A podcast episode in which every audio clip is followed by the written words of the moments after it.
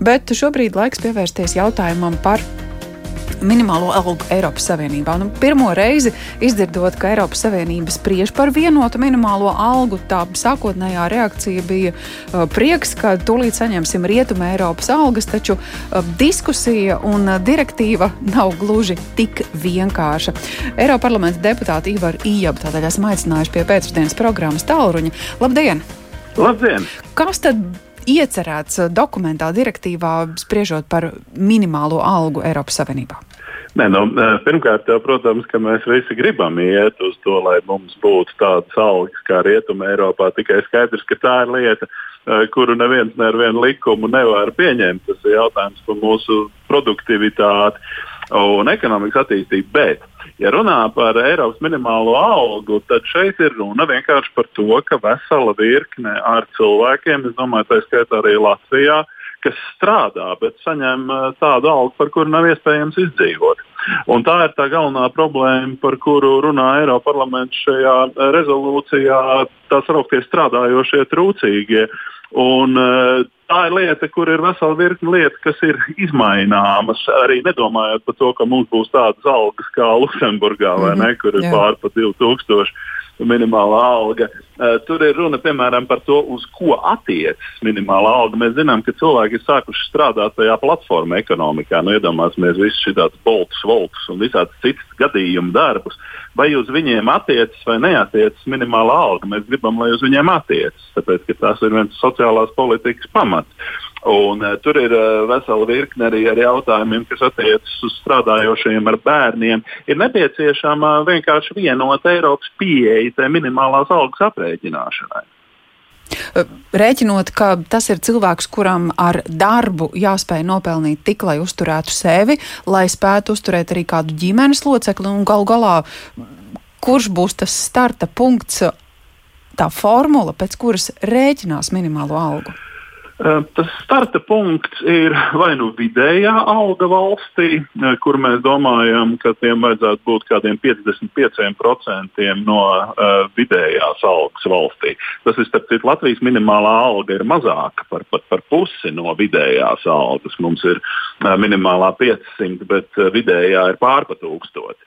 Uh, tas nozīmē, ka arī mums vajadzētu celt kaut ko Uh, nu, vai arī no mediānas algas. Tur ir dažādi ekonomiskie aprēķini, bet tā doma ir tāda, ka tam ir jābūt kaut kādam objektīvam kritērijam un ka nevar raustīt minimālo algu tā, kā tas ļoti bieži notiek arī pie mums, kā mēs to zinām. No, kā saka, minimāla alga, ja gribam paceļam, negribam nepaceļam, bet tur mm. ir kaut kāds objektīvs kritērijs, kas ir piesaistīts vispārējai ekonomikas attīstībai valstī. Mm. Tas ir tas atskaites punkts, par ko mēs domājam. Bet nu, ir jāņem vērā, ka Eiropas Savienības dalība valstu intereses tajā visā ir diezgan atšķirīgas. Piemēram, mūsu ziemeļvalstu kolēģi visādos veidos mēģina novērst kaut kādu ciparu nosaukšanu tajā rezolūcijā, jo viņiem e, lielākoties arotbiedrības ir tās, kas par nozarēm nosaka minimālās algas, un viņi negrib, lai tur, kā saka, Eiropa jaucās. Latvijai es domāju, ka tas būtu tikai interesanti, ka mēs pilnveidot savu sociālo modeli, kurš līdz šim tur maigi izsakoties nav bijis īpaši spēcīgs. Mm. Proti, atrast to formulu. Uh, vai Eiropas uh, Savienībā varētu atrast arī to formulu, ka vienojoties par um, noteikumiem, kā strādājošie cilvēki nopelna algu un ir nevis nabadzīgi, bet vismaz saņem minimālo algu, vai te ir iespējams sabalansēt to, ko gribētu redzēt mēs, un to, no kā negrib atteikties Skandināvija? Es domāju, ka ir viens kopīgs modelis, pie kura vienkārši ir ilgstoši jāstrādā. Tajā nozīmē, lai, piemēram, arī nu, tā, šie minimālās algas noteikumi attiektos uz tādiem pašiem ienākumiem visās valstīs, kā nu, izsakot, visā Eiropā. Lai nav tā, ka kaut kādu, es jau pieminēju tos pašus visus platformu darbiniekus un visādu gadījumu darba darbiniekus un tā tālāk, lai viņi saņem arī, piemēram, minimālās algas kaut kādu garantiju. Nu, tas pats attiecas arī, protams, uz to jautājumu, kas mums galīgi nav svešs, cik aiziet nodokļos eh, no minimālās algas, kas Jā. ir ļoti, ļoti atšķirīgi. Mēs paskatāmies, minimālā alga pirms nodokļiem, minimālā alga pēc nodokļiem arī ir joprojām atšķirīga. Tad mēs noliktu vienu kaut kādu standārtu, pēc kura tiktu izrēķināts, no kā mēs ņemam nodokļus minimālajā algā. Mhm. Vai ņemam vispār? Un vai ņemam vispār, jā, nu tā būtu, protams, izcila opcija, vai ne? Mm -hmm. ka, nu, kā saka, minimālā alga būtu tas pats neapliekamais minimums. Un tādā ziņā jau tā vispārējā virzība tomēr ir tāda, ka mēs ļoti lēni un pakāpeniski, bet tomēr ejam uz kaut kādu vienotu Eiropas sociālo standartu, kurš noteikti nenozīmē to, ka mēs varam nedomāt uh, par uh, ekonomikas attīstību. Jo, protams, ja mēs vienkārši voluntāri no Briseles raut augšā algas dalību valstīs, tad tas vienkārši Latvijas gadījumā un daudzās citās vietās novest līdz uzņēmumu bankrotiem. Ne? To arī mēs nevaram atļauties. Bet lai mums ir kaut kāds vienots priekšstats, uz kurienu mēs ejam, un Eiropai tas sociālais taisnīgums vienmēr ir bijusi tēma, jo tas ir arī, kā saka, morāls jautājums cilvēkam, kurš strādā. Ir jābūt jā. spējīgam sevi nodrošināt. Nu, jā, cevišķi pieminot tās pašas platformas, kas šobrīd krīzes laikā daudziem ir bijusi nu, gan iespēja strādāt, gan arī palīdzēt tiem cilvēkiem, kam tie pakalpojumi ir bijuši nepieciešami.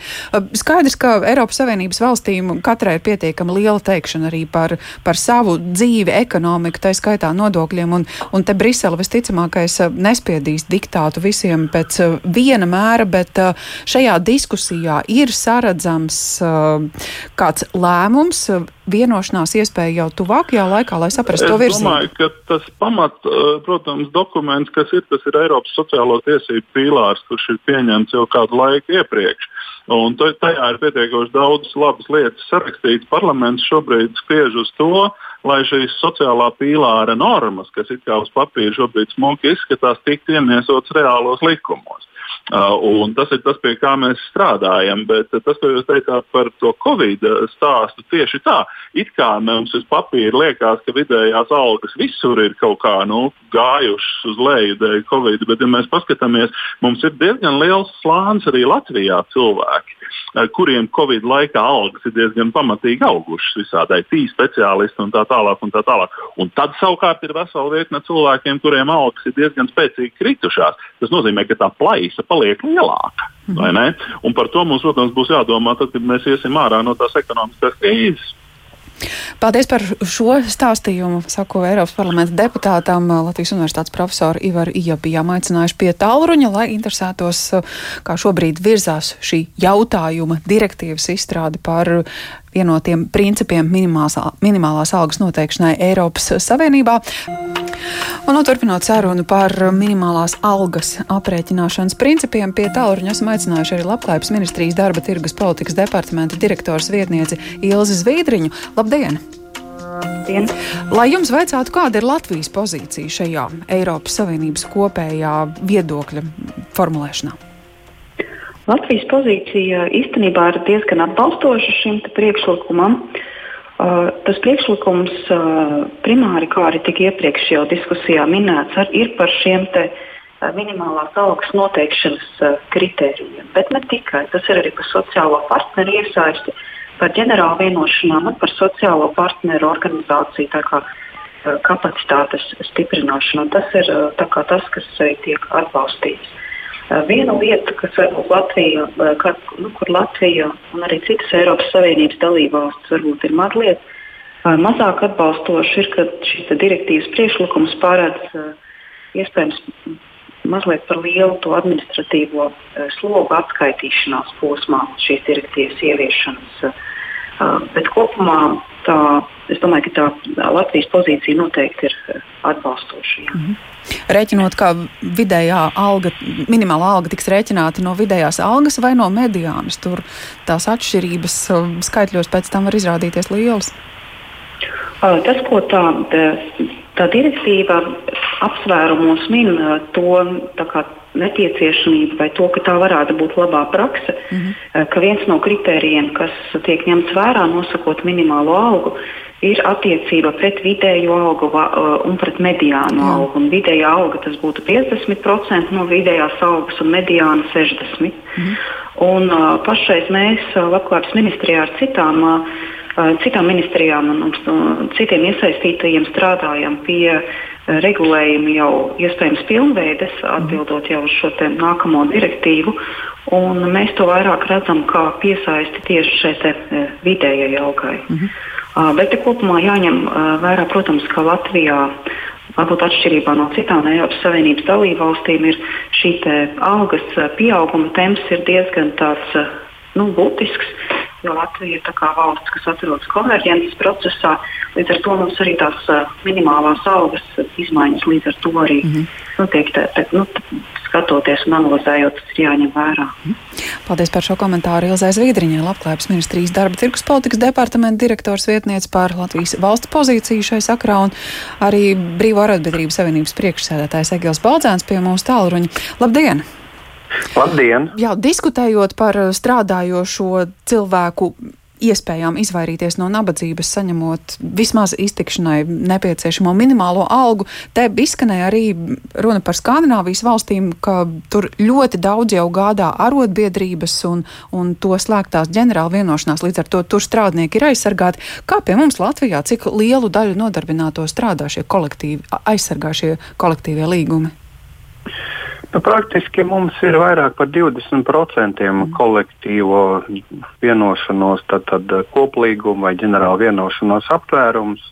23% maksimums sanāk. Ir bijis gadi, kad ir agrāk vairāk, bet tas ir atkarīgs no abām pusēm. Uh, Jo koplīguma sarunas var būt, bet, lai koplīgumu noslēgtu, vajag abu pušu iesaisti. Tāpēc arī ir ārkārtīgi svarīgi, ka šī direktīvas projekts, mēs tieši iestājāmies par direktīvu, nevis rekomendāciju arotbiedrības savienību, ir paredz to, ka uh, valstī ir jāizstrādā kopā ar sociālajiem partneriem tāda atbalsta programma, lai mēs šo līmeni 70% gadu gaitā sasniegtu. Tas ir ļoti pareizi un labi, jo īstenībā arī mūsu ģenerāla vienošanās ar tādu privātā sektoru kā būvniecību, darba devēju organizāciju, būvniecības partnerību un viņas sabiedrotajiem parādīja to, ka mēs tajā brīdī, kad minimāla alga bija 430 brutto izteiksmē, varējām viņu pacelt uz 780, 810 jā, kvalificētiem darbiniekiem 810, kas nozīmē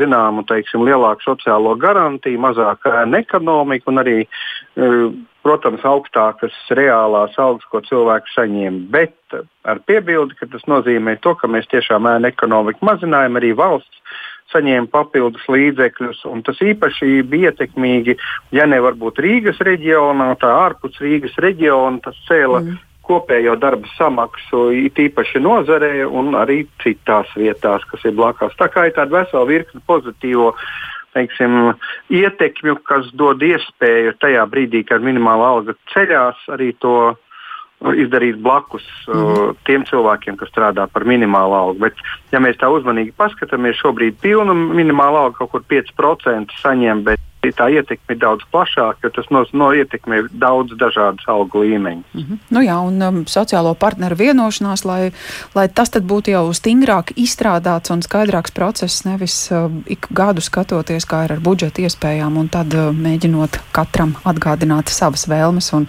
un arī iepriekš solīto. Paldies uh, Latvijas Brīvārotbiedrības Savienības priekšsēdētājiem Egilam Baldzanam un arī Latvijas darba devēja konfederācijas ģenerāldirektors vietniece Ines Stepiņa pie tālruņa. Labdien! Labdien. Protams, vaicājot arī jūsu komentāru, saprotot, ka darba devējiem nu, ir jāspēj saglabāt uh, ražošanas produktivitāti, jāspēj saglabāt sava konkurētspēja un vienlaikus arī jānotur darbinieki, lai tie nebrauc uz turīgākām valstīm. Kāds līdz ar to ir jūsu skatījums uz minimālās algas noteikšanas regulējumu? Jā, nu, uh, Eiropas Savienības uh, līmenī šīs diskusijas par uh, uh, minimālās algas ietvara direktīva ir notikuši jau ilgus laikus. Mēs esam šajos procesos bijuši klāt.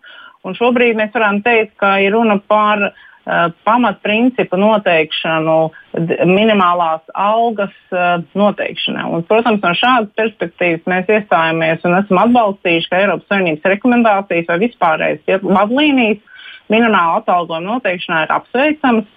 Uh, proti šī kritērija sistēma izstrāde, Eh, kas būtu balstīta uz pilnīgu informāciju par ekonomisko situāciju, arī nodokļu politikas ietekmi un apstākļiem nozarēs un uzņēmumos. Un arī, kas paredzētu regulāru pārskatīšanu, šīs minimālās algas regulāru pārskatīšanu, nosakot arī sadarbības principus ar darba devējiem un darba ņēmēju organizācijām un arī valsts pārvaldes iestādēm šajā trīspusē sociālā dialoga ietvaros. Tātad mēs esam par šādiem vispāriem principiem, vadlīnijām, vai tā būtu direktīva kā izvēlētais instruments, nu, tas ir ļoti diskutējams, uh, jo mēs saprotam, ka diskusijas nav beigušās un tiešām nav zināms, kāda gala redakcija un cik tā lielā mērā atbildīs Latvijas interesēm un realitātei, tas vēl ir tomēr jautājums.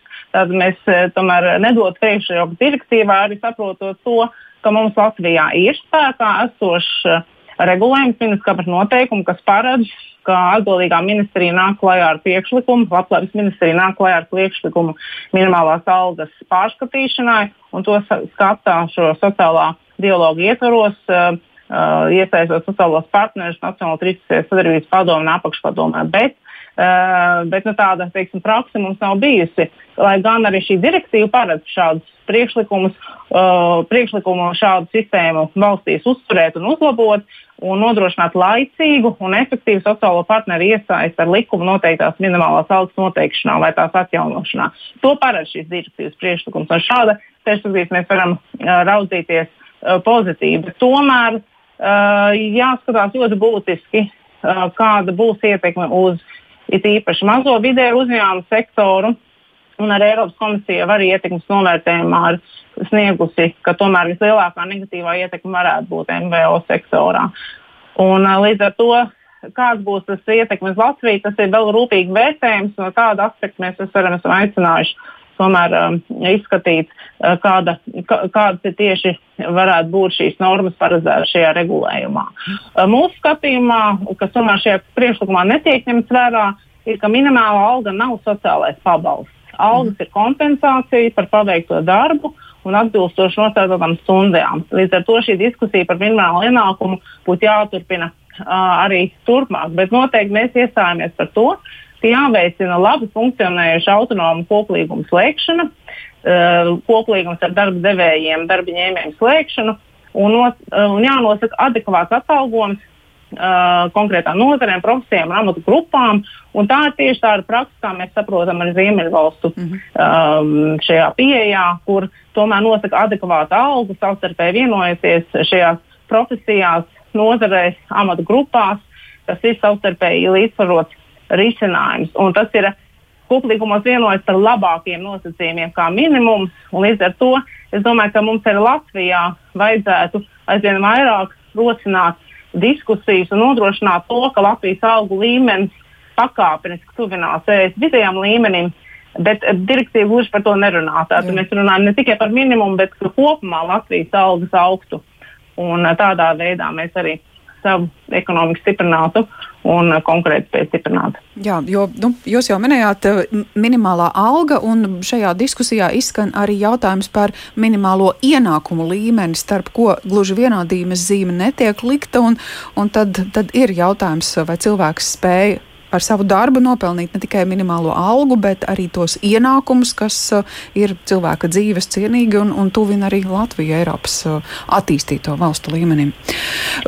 Jā, paldies par šo komentāru. Teikšu Inesē Stepiņai. Arī Latvijas darbdevēja koncentrācijas ģenerāldirektors vietniece bija pie pēcpusdienas programmas tālruņa, jo šajā pusstundā interesējāmies par diskusiju, kas risinās gan Eiropas Savienības līmenī, gan arī, protams, katrā dalība valstī, lemjot par minimālās algas aprēķināšanas kārtību ir vēlme Eiropas Savienībā vienoties par principiem, kas uh, palīdzētu strādājošajiem saņemt atbilstīgi godīgu algu un mazinātu to algas plaisu, nevienlīdzības plaisu, mazinātu strādājošo cilvēku nabadzību, trūcīgumu, kas daudzās Eiropas Savienības valstīs ir liela problēma. Uh, pozīcija, kam uh, Latvijas valsts arī jau piekrīt, un pozīcija, kurā aizvien arī valdības sociālajiem partneriem būtu liela loma.